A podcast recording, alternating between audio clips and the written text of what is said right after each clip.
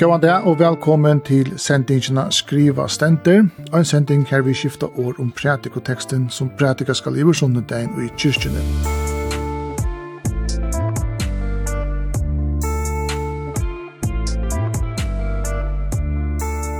Verster er vi beien, Kari Sjølstein og Ermkar Arke God Frøyngur. Og saman vi okkon har vi boi tvoimon gestun som har finnst til oppgave at lesa pratikoteksten, skifte år om teksten, mulig tolkan av utsynder, røyna setan inn i en nutrimans høpjøsne. Og teg som er i boien og i utvarstående og i DM er Johnny og Grøtnun, i Sedrenon, og Annika Olsen, løktingskvinna. Velkommen til Beie. Takk for det. Takk for det.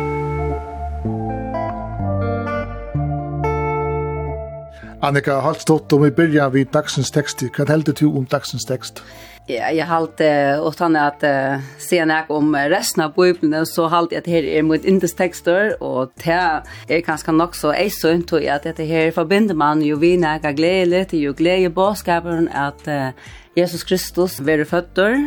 Og det er en nækka som dere kjenner atter fra akkurat badendome, til at dere har vært i kyrkje, vi akkurat foreldre, og vi skolen, noen som dere har vært gynnskjøy, og så videre. Altså man hever, man hever gode minner om henne teksten, og og nega som okkur kunna okkur svegna detta attur og og i einar øyligare turbulentar tøy fra tøy til at okkur heva et størst fundament og, og glede på skapen så for mot vikommande og jeg tykker at det er mange som er samt for meg og tøy så er detta en indest tekstur i, i bøyblina Hva sier du Johnny? Hva er du om dagsens tekst? Ja, altså, jeg forbinder ganske øyne vi at ta i meg for uh, godstjeneste, kyrkjegudstjeneste fra skolen. Nå er jeg ikke brødre samkommet på testa, og til, det er ikke jævlig evangeliet som fyllt i aller mest.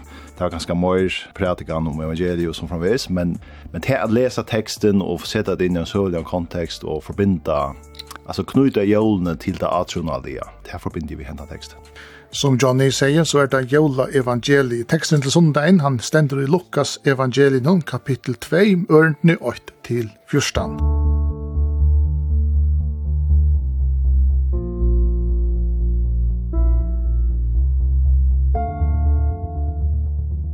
Lukas evangelie, anna kapittel, ørendene 8 til 14. Jesu føying.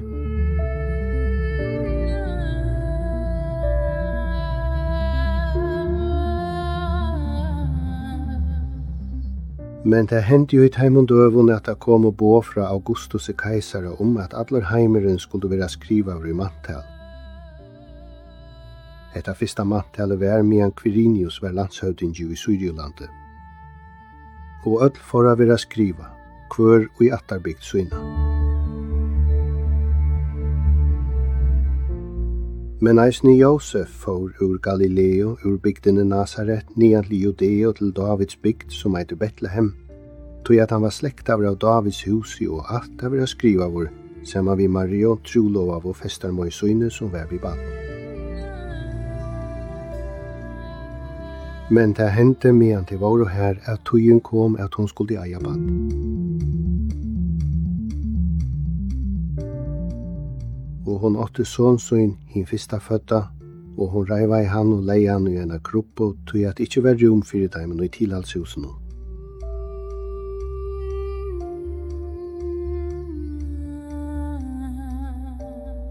og det var hirar her i sama bygdarleinen som lå ut i marken i om nottena og gøymte at seia fylgjum synun.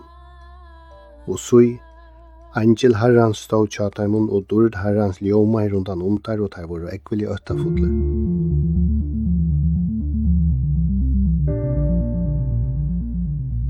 Og Angelin sier vittar, Øttest ikkje, tog sui er kun gjerretikkun ein stor glede på som skulle vera fyrir alt føltje tog at tikkun er i det en frelsare føtter som er Herren Kristus i Davids stegi.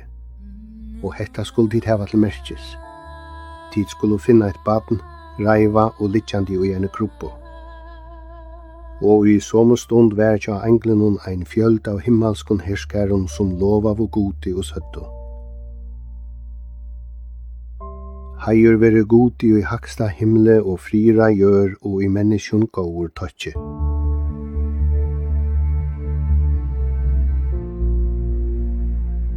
Vi tar då pratikoteksten til sundedagen ur evangelien etter Lukas, kapitel 2, kjent som Jola evangeliet.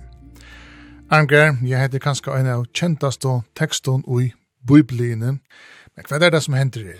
Det hender til at uh, steget som Jesus er født til landet, Israel, det er herset av Romverjon, og her er keiser i Rom, Og han sendte på at nå skal det for en folketelling fram, og skal fære ur alt rujtjutjon. Det var øyla størst rujtjutjon. Det var for han kunne telja og halda evig, så han skatt han fikk inn i øtlen teimen. Og alt skulle fære ur her som de er, det skulle alt ta steg her som de er født. Og så leser vi om at Maria og Josef er steg, og Maria er uh, fotoponder henter og at hun røyr og en asna, og så kommer tøyen hun skal få, og så er det scenariet så du alt kjenner at hun får baden i en gruppe, og alt de elementene som er i her hyrar og enklar. Hyrarna er det mest vannvirta som vi har tatt, ta det mest fatakka, ta det mest tar stå så bænt vi, og, og så vi alt sadordna og enklarna som kom i boa i Sundtje Låsandsjen. Så at det her er eisne tekster som er uh, ansøkner alle tøyna så dualisme alla samtiden att jag konkur kejsaren Augustus han var pappsoner Caesar Og Cæsar var sier man var godomler, så han er til eit divi filius, han er eisne godomler, på en måte, altså, gjerdes godomler, og Jesus fyrir føtter, satt han god, fyrir føtter som han løyte baten, og ta ruika og ta fatakka, og Så Augustus är bottengrund gods. Guds. Alltså alltså alltså människor han kallar sig det var han han säger att han var godomlig snätt mm -hmm. men han sa måste rack Og Och tar skuld halt anfallt Jerem Manstal status status för det kunde folk kom till alltså. Ja, och man så inte säker att Jesus talade vi till att man räknar vi att hej Beir Maria och Josef te är talt med Jesus och talade vi ett så järst mantel. Så han sa det inte skriver några böcker. Nej. Och så måste vara till. Men uh, John Davis, vi börjar vid här, ja, ta till och läser hentan här texten där, hentan här kända texten där. Kvart, kvart huxar du att läsa den texten där? Mm. Ja, alltså, ta i läsa en första för så huxar jag om növnen, alltså Augustus, Quirinius och det sövliga. Ja og det er noe som plasserer, og her er første ørender, og det er noe som dølte tvei, som, som armgarvarsen inne på, her, her er tjei ørender som plasserer føringsna, og så er tjei ørender ute i jahiren Og et eller annet så, så husker jeg at, at her, her blir jeg her, her, her, heter her, her, her, her, her, vi vi sett av null point i Hesløt ja. Og Lukas han han er kjent for å være ølja nøyaktig og søve frøinger og rønne være presis og han sier at Augustus og til Quirinius og han skulle til atter til Bethlehem til han skulle Lukas tricka seg at han er var henne sagt og i akt vi David og plassera da sövliga rätt och till och med det första och så är för ingen här och och Jesper Bornheim Og det nästa så er det kundgjeringen, at vast. vi skulle, at verden skal få det vi, og, det til så den, den närmaste som har fått det vi til, så hyraner som så inte ikke er Augustus Kaiser, eller Quirinius, eller, eller det högt sett, men tvers mot det alla lagt sett, ja. Og, og ta får det på en øyelig haparslig måte. Kan också du, han kan att läsa at att läsa den teksten ni. Ja, nøvnene, te minnes man atter uh, fra, fra badendomnen, og te te runka lukka som uh, i berghøttenen, da man leser uh, hese ørene til Lukas, Men jeg halte anker svekna, så det som jeg burde mest jo i, det er at at Maria fer ein høvesleiklot. Det er kanskje ikke så vanligt i at det er Bibelen at kvinnan fer ein høvesleiklot, og kunne kanskje kia at i, i Matteus her evangeliet. Her er kanskje Maria Josef som fer høvesleiklot. Han fer fra på henne om at uh, han skal halta seg til uh, Maria, selv om hun er vår vi bad, noe annet teia vi er sammen. Uh, her har jo alle atter søvna tja uh, Josef, og lukka som forklaringen på hvor at de skulle færa til Bethlehems at, uh, at være skrivet skriva i, i mantel til det her, og han, hans sier atterbånd er fra, og i Davids atteisen, ja. Og her er det lukket som Josef som fer, fer mer framtrakkende leiklod, men i lukket her evangelion, her er det Maria som fer en, en særsteklan uh, tøyende leiklod, og kanskje tøyende leiklod mot alle ære kvinner i Bibelen, hun var moren at uh, selv om uh, Jesus, som, som jo alt bytter på. Og annars så halde, hvis man hikker etter uh, Lukas uh, evangelion, eller Joel-evangeliet, så er det nok einfalt byggt opp, altså det er nok einfalt av dramaturgi, og høyra, ta hendi ta med døven, ta minner, jeg løte synd om eventøyre eina for verda, altså til den neka, altså han, han bygnaren som er i, i Lukas her evangelien er nok så einfalt, og motsetninger mellom lov og deia, og i mittland til fatakslige, altså hirene som, som anker var inne, ja, som er lukket som utenfor uh, sivilisasjoner, som er øyla lagt om meton, og så ganske uh, voismenner som, som er jo i Matteus her evangelien, som, som kanskje er uh, noe helt annet. Så, så du hever disse her uh, motsetninger mellom lov og deg, at det fatak, at det ryka, Og den einfalda søvan okkurs vegna gjer til at her er nekka enkelt at forhalda seg til, og så må öll kunna forhalda okkun til så eller så. Hon er kjent på denne veien, og det hendte dem og døm, så videre, at beina veien. Beina veien hva, hva, hva det lander om, det halte jeg er nok så avhverst, at, at det er okkurs vegna, hun, hun blir nok så unver, universal og eksistensialistisk på nokka matar, og, og tog er het her eisne frasøknen om Jesus Kristus som kan liva i flere tusen år, tog jeg kunne letja noe grunnleggjande eksistensiell virur i uh, frasøkene.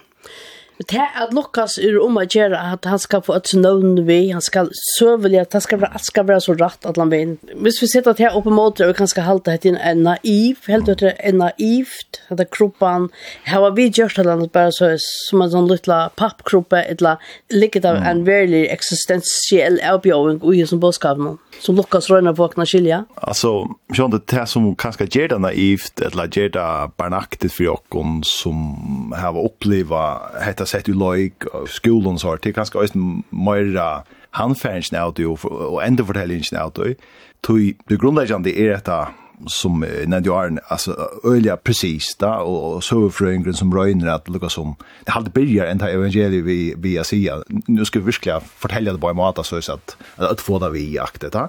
Ja, här, her är en ansökning middelen att uh, man upplever etter vi at, att barn vill lagt i kropp og så. Men ta var det ju dramatiskt da, Alltså, selv om vi vi kanske hadde upplevt att i stortlön höpon och i skolan och skolan så sånt kanske bara halda det underhaldande, så så var det ju dramatiskt där det var ikke plass for under just just Det var ikke, han måtte fære mm. ut i fjøs, og han måtte finne en kropp til at lukka som at er røyva noe, ja. Så samståndet som, som det er et her konteksten, det samfunnslige, søvelige, vi Kirinius og landsavdødje og, og Augustus Kaisera, så er det her enkelte badene som er født og som så bit lukka som lese inn og i tog vi kjenner det som så hendte etterfølgende er hette i byrjan, hette det som velja sette gong to, ja. Så ja, det, det kan tidsast uh, ganske naivt. Tog jeg vid hemma så bilderna av hans filtrene på fra, fra du som vi där uppgjorde som halvtid. Ja, ja, nei, jeg hotlar litt at jag tror at, att uh, alltså, det kommer ju till Bethlehems här og i Gistingarhusen är i fotla. Alltså, omkurs väckna så har det etablerat jag samfunnet. Det är ikke rom för frälsaren. Alltså, att man vill nöta det för att lukka som ut i til å etablere jag civilisere jag samfunnet ut av marscherna till et fjås här i Maria för føyer sjåvan frelseren. Og, og til ankers vekna er vel eisen en symbolikk eller en båskaper ut i at, at Jesus er, altså han romer, altså begge til etablera ja, og til å etablera ja, altså sivilisasjonene og og sivilisasjonene, hvis man kan si det så leis. Altså hyrene som er ute av marsjene, som ankers vekna er til laksa i samfunnet, han vera jo ikke høyt og meton, at han eisen kommer til tarra, altså at det er, altså han, han, han kommer til ødfolkaslø, han kommer til røyk og fatøk, de etablerer, de avetablerer, de yngste og de avingste, altså han, han fevner uh, ut om det som også vanligvis uh, suttje en frelsere som. Altså, det, altså, han, han kommer ikke framfor ja, Augustus og Kaiser, det er ikke her han viser seg ødelen sin herskere og ødelen sin, det er for noen fatøk og hyron. For noen fatøk og hyron som, som eisen ble dreien inn og i seg her fantastiske uh, frapåene om, om gledebåskapen, altså at, at Jesus fevner eisen teimen. Mm. Men en av naiviteter som, som man, altså, tog som naivitet. Mm. Man har nødt til å kjøpe at Maria är ju bara at åttan har vi samma med noen. Du nevnte det i början. Alltså. Men det är inte så vanligt för åkken det är skilja. vi tar bare i bordet med och ja, var sociala sosiale og biologiske. Så, så, så är det inte så. Ja, men jeg husker du måste kjøpe till premisserna på några mat. Du får, du får fra, fra logiske huksan att mm. till. Det betyr at det er mørkene över bråten, för kan vi halte moralst i åkker kanskje kodex och sier litt och så gjør. Det är något som är för dum allt. Som är fantastiskt. Da? Och, ja. och, och ett land så här, kontexten är ju ta kapitlet som är på ett år här, här tävlar så kundgörs. Da? Här, man är ju färdig så bojne och jag prövar att läsa det som, som fyrröring och aktion det som är intressant ut jag att, att liksom, han säger ja, nu ska du vara vid baden och därför är det konger och därför är det bröjtheimen och därför händer allt möjligt. Och en som hon svär att på Hur spelar till? Jag har ju varit jag man ja. Alltså det är allt det andra fantastiska det var men alltså att jag ska öja badna Eh så det blir öliga grått lukar som tann naiviteten alltså är Lukas ösne lukar som rön han har precis Roma. Ja, det shot så så skriver han att han Lukas Lukas var det det det Ja, det är det samma. Ja, ja, akkurat. Och så är det sånt jag skinny allt att träffa. Tog det vi sa vara vuxen så kom vi en bombebälte eller så kom och vi var ju sån år men Er det nekka så fyrir okkun at blå fot vi ærefrukt og kærlega, så er det løyte blett nøyfødt baden. Altså, heta baden kan jo ikke. Og man kan si heta baden vi giv i okkun, og lagt i okkar hender, Ja. Kan jag stå själv vitta. Det är existentiellt som man huxar. Nettopp. Och ankurs vägna, alltså, nu kommer jag säkert in att här, om man har löt om, om hur man kan läsa, att här eisen vi nu tog jag brillon. Alltså, mm. ankurs vägna så, så ligger det här eisen i, i jolevangelion är att, att tingene kunne inte alltid planläggas. Alltså, det är inte allt som är förutsigligt. Det är inte allt som du kan, som du kan vite hur det är fram. Och det ska allt vara planlagt. Alltså, du ska vite flere veker fram og undan hvordan tunn føring skal være, og hva for sjukhus det skal være, og, og så videre. Altså, her kommer uh, den her fantastiske kvinnan til Betlehems Uh, hun skal leie hver løte, og her er, altså, gestikerhusene er fullt, altså, hva gjør man så, men så får man och de samfly och och för detta partner och genom fjås alltså och kanske ligger det är en boskap ut hur att det är inte allt som och kunna planlägga att det är inte allt som och kunna alltså vita ner minsta detaljer men men att man alluika väl kan glädjas om detta partner som vi är fött för att vänta till det existentialistiska alltså kärlekan till detta partner är ju sprungt ju alla rammer alltså det är ju för ju ut om allt annat och och och det är kvilla och det är glädje vegene at, at få et barn. Det kunne alle kvinner identifisere seg ved, og han ser om det er en fantastisk sykehus der alle hentlegger er eller att det är i en vad ska man säga trängre kåren. glädjen är den samma. glädjen är den samma att här var finns detta fantastiska batten ja. Och tog kunde greisen identifiera kon vi en den kärlekan och inte minst eisne män som sjövande eisne Jerry pappa. Alltså att man att man glädjst om batten och han säger omstönar och kvila och tog och det var ju händ och ta glädjen att få ett barn men jag är inte öle rent och akkurat tog det jag vill vilja ha styr och ha kontroll och att missa kontroll. Börjar vi inte beina vi är vi vi som lilla batten och till öra ringt jag kunde bara säga ja men det är inkorporeringen av kärlek och glädje.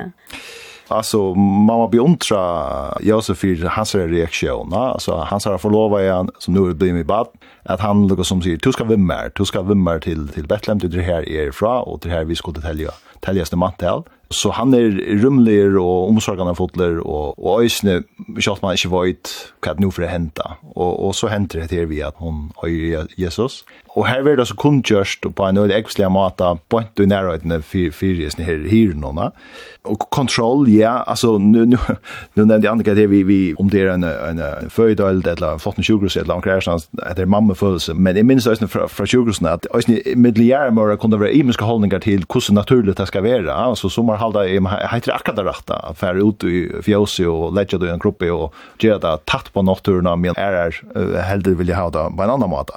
Så det er nøytest ikke at, at noe som kontroll er ikke alltid godt.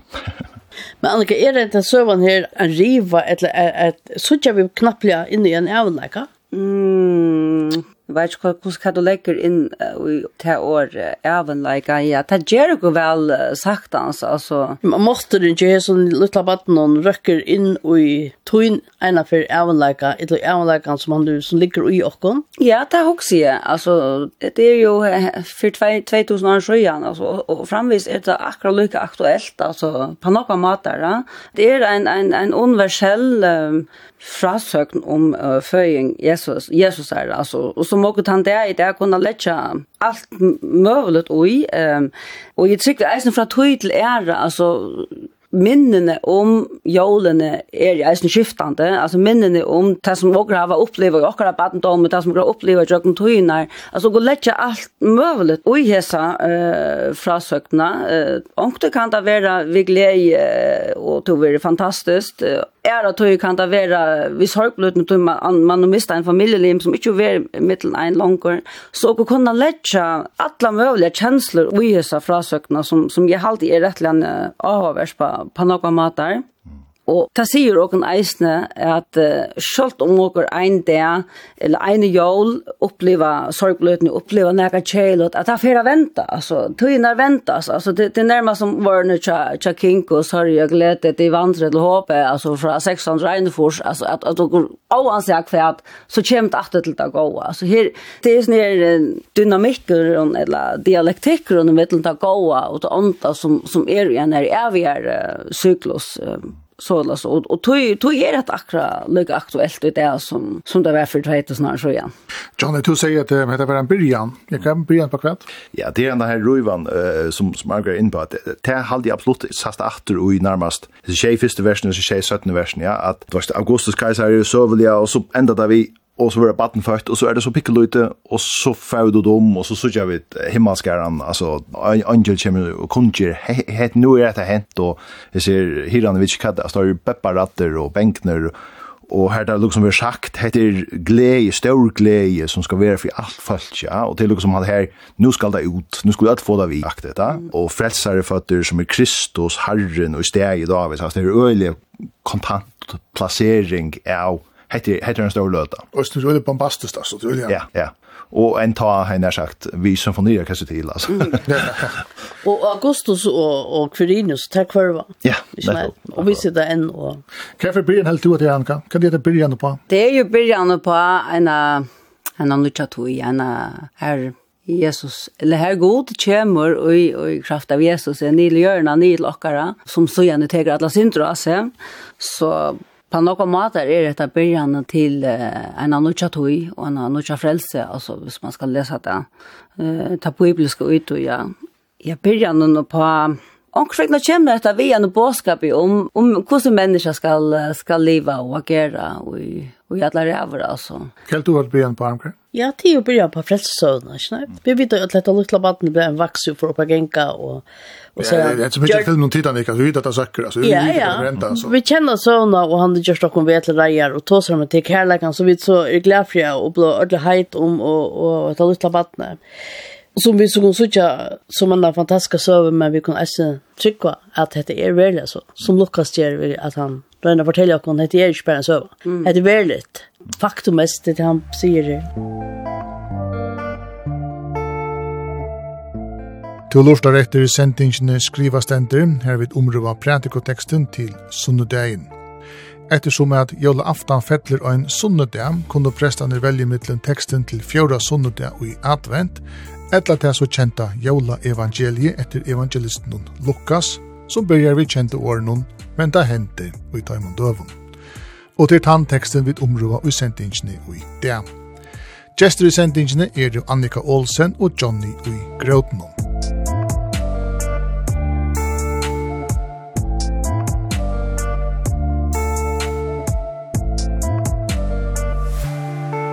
Og spurninger som litt området i morgen er det var hvor er god for neien jeg kommer nyere gjørne som er bad. Hva er det på enkje vi ødelig steg? Hva er ideen, altså? Det er tog, det er tog.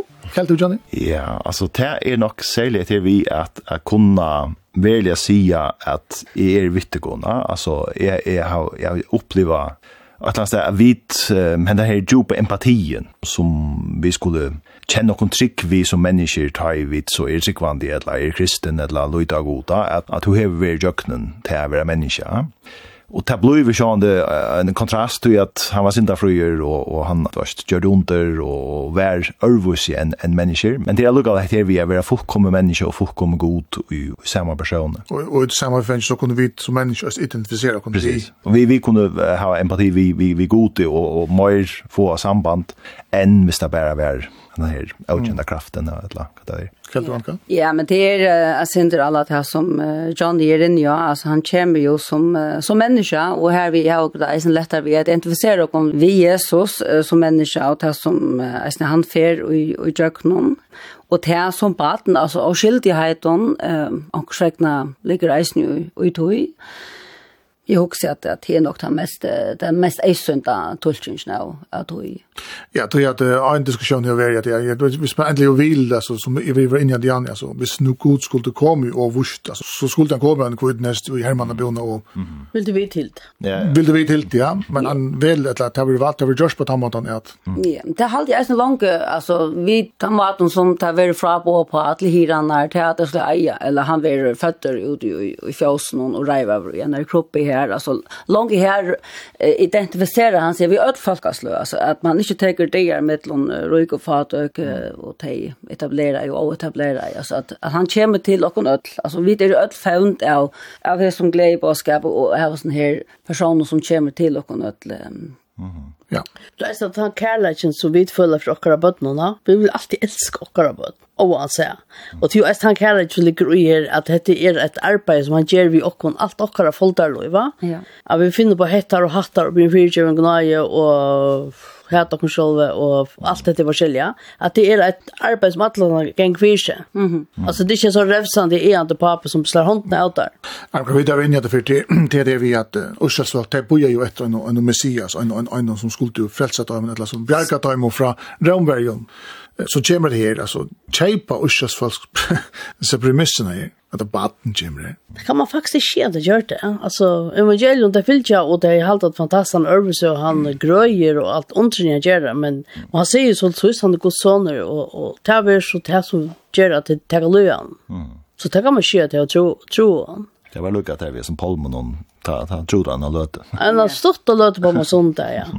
Ta han kom en asna inte en stor och flotten häst. Men det kanske nettopp tog är en nettopp frasöken om uh, föing Jesus är livet han där inne där tog att hon är så universell. Alltså jag kan ju minna mer att hej vi kanske sen drövs så han kom som så stor fantastisk konkurrent och som som var eh, kanske lagt ur en en himmelsång av uh, gottle eller vad det nu var. Alltså jag, jag tycker att, att det har man kanskje haft en øvelsåksan om det. Altså, det er jo til nok være reisende et endamal vi tog at han at han kommer akkurat så som han er, at han så ikke ordentlig ble måttet, sånn, så som man kunne dingser. Det er så eisen til som er spenning rundt i Bibelen, ja, og som også kunne tolke at han det er det. Det er det som er friere av dings. Hva ligger du til? Ja, det är det är att skapa fri mittel människa och goda och alltså det är ju också en brukt det här det är dåligt vi god i hatt nu frier att göra ja. Alltså det är ofta brukt som no, nu nu borde vi frier och det är ju inte fri vi upplever krutch och vi upplever ja och sen på nu i mest ja. Så frier jag gör mest inte det här det är mest inte politisk frier det är mest inte att Augustus Kaiser skulle tagas han rådde ju fortsatt vi är roa i förra år att han har så det är inte en uppger vi vi utsressa støve som, som land, og herset land eller nega, men frier i salen, ja, frier i antliga frier. Ja, et eller annet man kan letja imisk ting eller imiska tulsingar ui at her fra, fra tydelig æra, altså. Så altså, omhåndbarst, ja, frier mellom god og, og menneska, men Men alltså aktualiteten är att tog att frira gör människan gå och touch som det ju är ständer och i alla evangelien. Alltså han han är har aktuell i det. Alltså så jag jag tycker vi att ta ligger i snacka så röker ut i och såna tog i akkurat hemmen åren och nå och kunna lägga ölen och imest och nettopp här i åren som är så grundläggande och tojande och hesten evangelien och namn. Men så är det ju nästa som säger att, att uh, vi sätter lilla vatten i friare hötingen var Guds soner. Mm kui er så at ønskar ikkje horven til alt tui ta som man har kui kui stekka så ikkje at krutch kvui kvarve så ikkje ønskar bra gjørn Teodicé prinsipp Teodicé black vi skulle gå over kui vi sann all motor han geranda så ikkje Jo jo det er så kontrastar mellom den fria viljan og og te vi kunne velja ting og så er god til all motor og og hevur alt sunn i handa Vi han hvis vi ikkje hadde fria viljan så har vi var sagt å spara vi nokre marionettokker som han kom til størst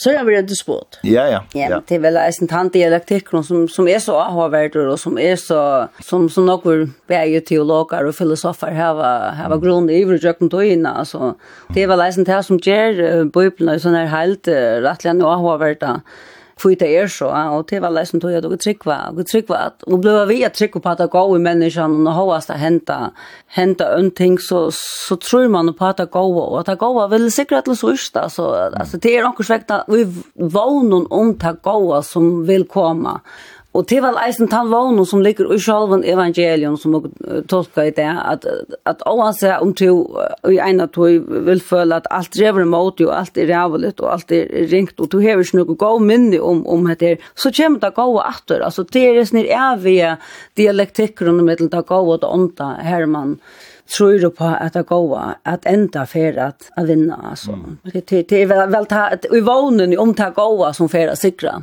Men kan man så se att, att, att, att han var fötter som han lade på att vi lagt giv och i händer ägstna. Hur så är det vid kärleksfullt? Hur så får vi frivilliga? Att han vill säga att, att, att um, det er Putin og alt det er rævlig skal inn fyrir i Ukraina, etla i Israel og i Gaza-gæran, etla heima om at syklen tja fölkje, etla hver det skal være at det er atla tøynan avbjørn til okkon om at få frile og at vise kærleika og tålsame, og er det tja?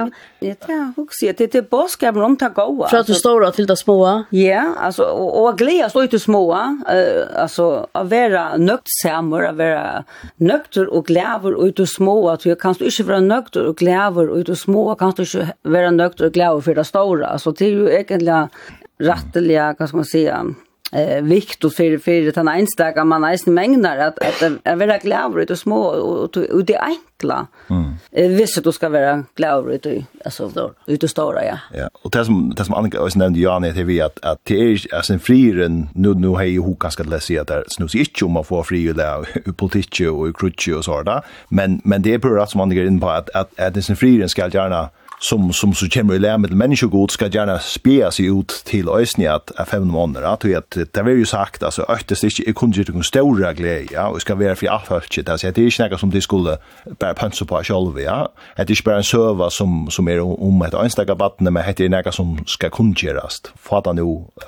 fortalt. Og, og så var det så stol under vi sånne her eh, låshansen og sånt som noe som plasserer god, dårlig være god i hattene friere hjørne og så ui menneskene går tatt, ja. Altså mm. det er alle dimensjoner noe som kommer vi ut her. Så ja, det snur seg absolutt øyne om å spia. Og så kan man sikkert også lese det her som at, at, ikke, at de proklamerer ikke at de friere gjør, mm. men det kan være en ikke hatter, mm. vi ikke har fri til alle to, ja. Men altså, hvis vi får innrett til det sier hotel som du har innrett til, det er at det stender at England er av en fjølt av himmelsk og hersker og lov av god så att höjer god jag sin fria gör människa och touch så hände det inte. Kyrkan man alltså ja ja alltså men så var det ju helt inte människor så bjöds han helt frälsa så så vart helt gör så var vi genom paradis. Men vi lever i New York har vi klantras och hata och skilja och älska och bli fyrgiving. Men alltså jag vill bara sagt att visst visst är en goddomlig alltså England från från från himmel och boa från god att nu ska vi vara frier och människa och touch och ta inte. Ja. Jo men så ska man chuxa. Hade ju ens något här här lov som jo god ut här inte fri. Ja, det det det är nog bara jag en boss att du också ja, alltså att att vid incha verklighet här fine och frila för först ett eller 18 sätt när hemspar det helt du folk ta här för ju alltså också nu frier. Mm. Ja. Ja. Vi då har fri och tror jag inte nu. Och ja, ja, nämligen alltså jag, jag tycker vi tar lika näka alltså tar lika näka som som pekar fram efter alltså nu tar så att men jag vill like alltså ja nu alltså det tar lika det fram då det är näka som alla tunna skulle hålla och fyra att vara eh gå vi och nästa alltså att, att proklamera att gå och att att skapa fri och att skapa glädje och att skapa fri vi och grannar och fri och i och hem alltså vi hus och fri vi vi tar som vi omgångast alltså det tar lika en en en, en, en båshotter ut i at være nu går vi kvar annan fra nu og, og alle er over. Altså, inntil de kommer hjem til uh, Godsrydja, altså det, ta det ligger nok mer en, en, en båshotter ut i. La oss fullt ikke gjette at, at det ligger i akkurat hans, sån åren og, og, og sjåvande er det Öljan har aktuellt i det, alltså vi har krutsch i Miestre, mellan Israel och Hamas, och krutch i Europa, mellan Ukraina och Ryssland. Og, og ta jeg les akkurat hese årene, så, så hukser jeg øyla nok om hese særstak hentingene under første veraldarbeid, ja, i 1900 og, og fyrstan, ta jeg her menn og lov i skåtgrøvene nere i Flandern, og det kanskje mest meningsløse krøyene og nærkant høy og i søvende, her ut her letja våpnene, jala det, og, og byrja at uh, jeg krypa opp i skåtgrøvene og, og synja jala sanger, men tar tuske her menn og tar byrja sinja syna tysk jólasanger og, og ønskmenn og sværa at vi, vi synon. Og, og jeg halte det var stille nacht her, her sunke, her tysk hermen og så sværa her tar enske hermen og Silent Night vi så noen vi så noen enska boskap och så en enska Jolla Sanje och ta blev en sån så starklig frier eh i mitt och skotgrävnar som som hei ju er uh, rävligt upp till några frasöknar från nettopp her sån här sån krönon är er isen från att Herman Herman som opplevde dette att han närmast kom en sån godomlig uh,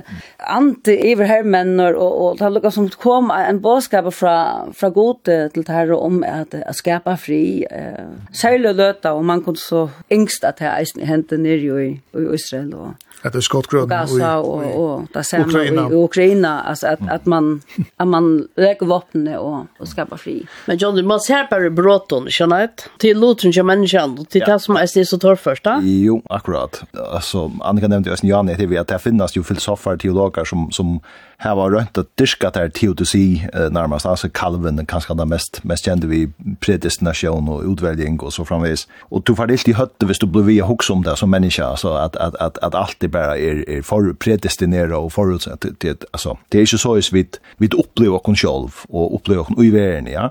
Och du blir rätt här vi att en glädje vill konjört och nu nu blir några något du här en frätsa här här en här väl här en möjlighet till en nya början. Är ju grundläggande en en glede på mot evangelium og i höjt någon ligger jo glede på och heter ju glädje sövan han som, som vi har i hessen teksten. Hva lekker du i det siste årene i menneskjen gav tøtje?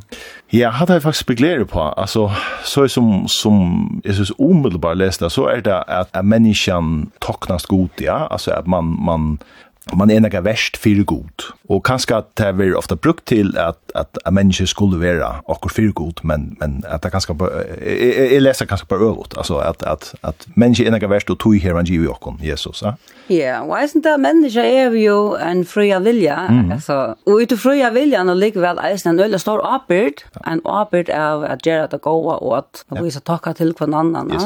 og tog i halt att jag säger årene som jeg nevnte Jan røkka nok langer mm. enn akkurat her og nå, Det er nok mer universalistisk enn man helter altså. Ja.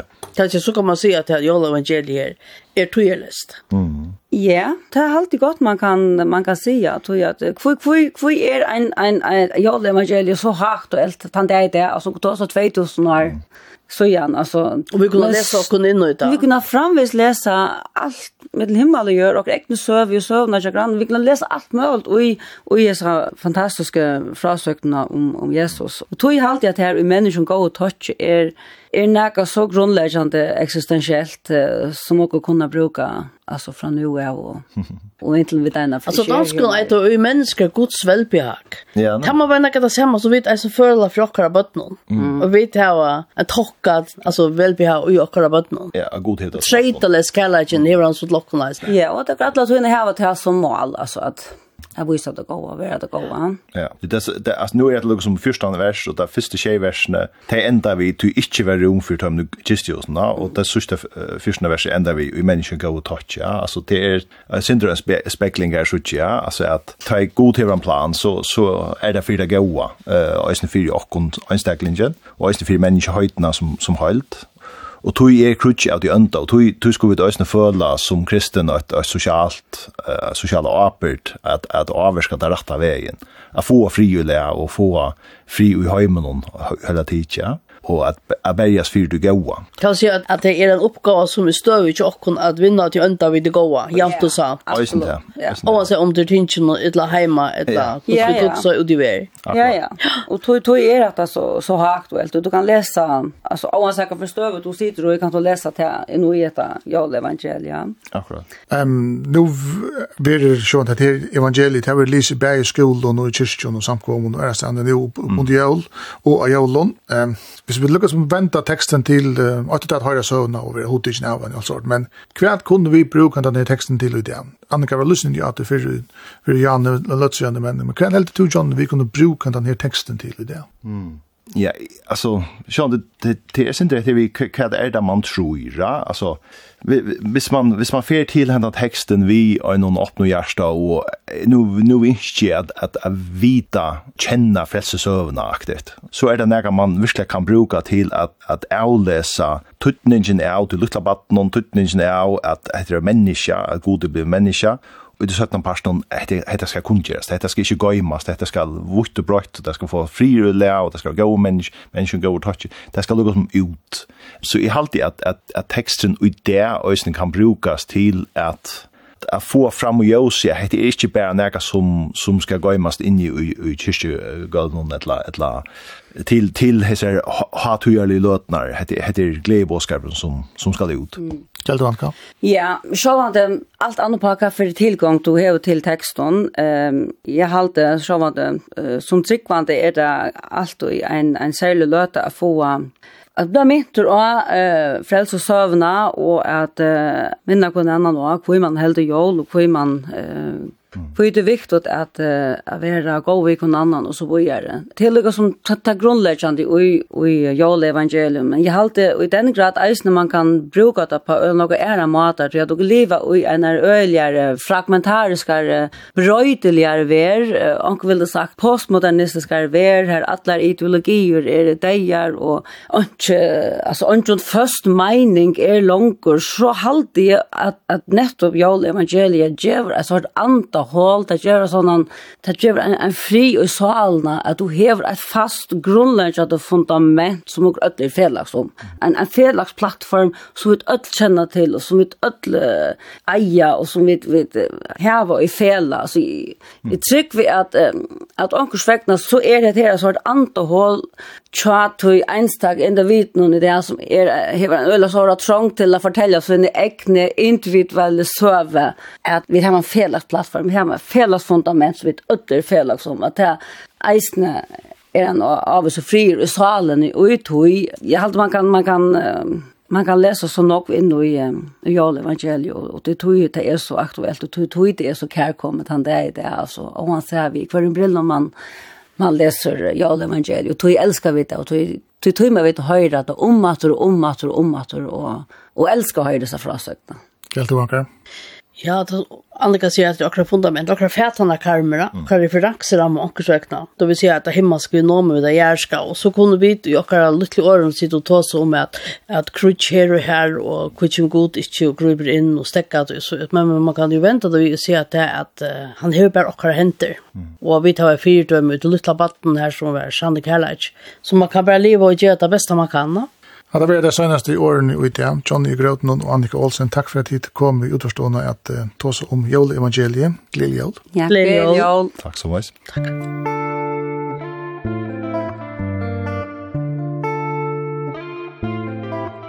Hetta var sendingen skriva stendur, her vid av omrøtt jøleevangeliet. Gjester var Annika Olsen, løktingskvinna, og Johnny Uigrøten, nonnomslektari av Sedgenum. Kari Solstein og Armgar Argo løttu sendingsna til Rattes. Skriva stendur vir rattur etter nudjar. Gleili jól!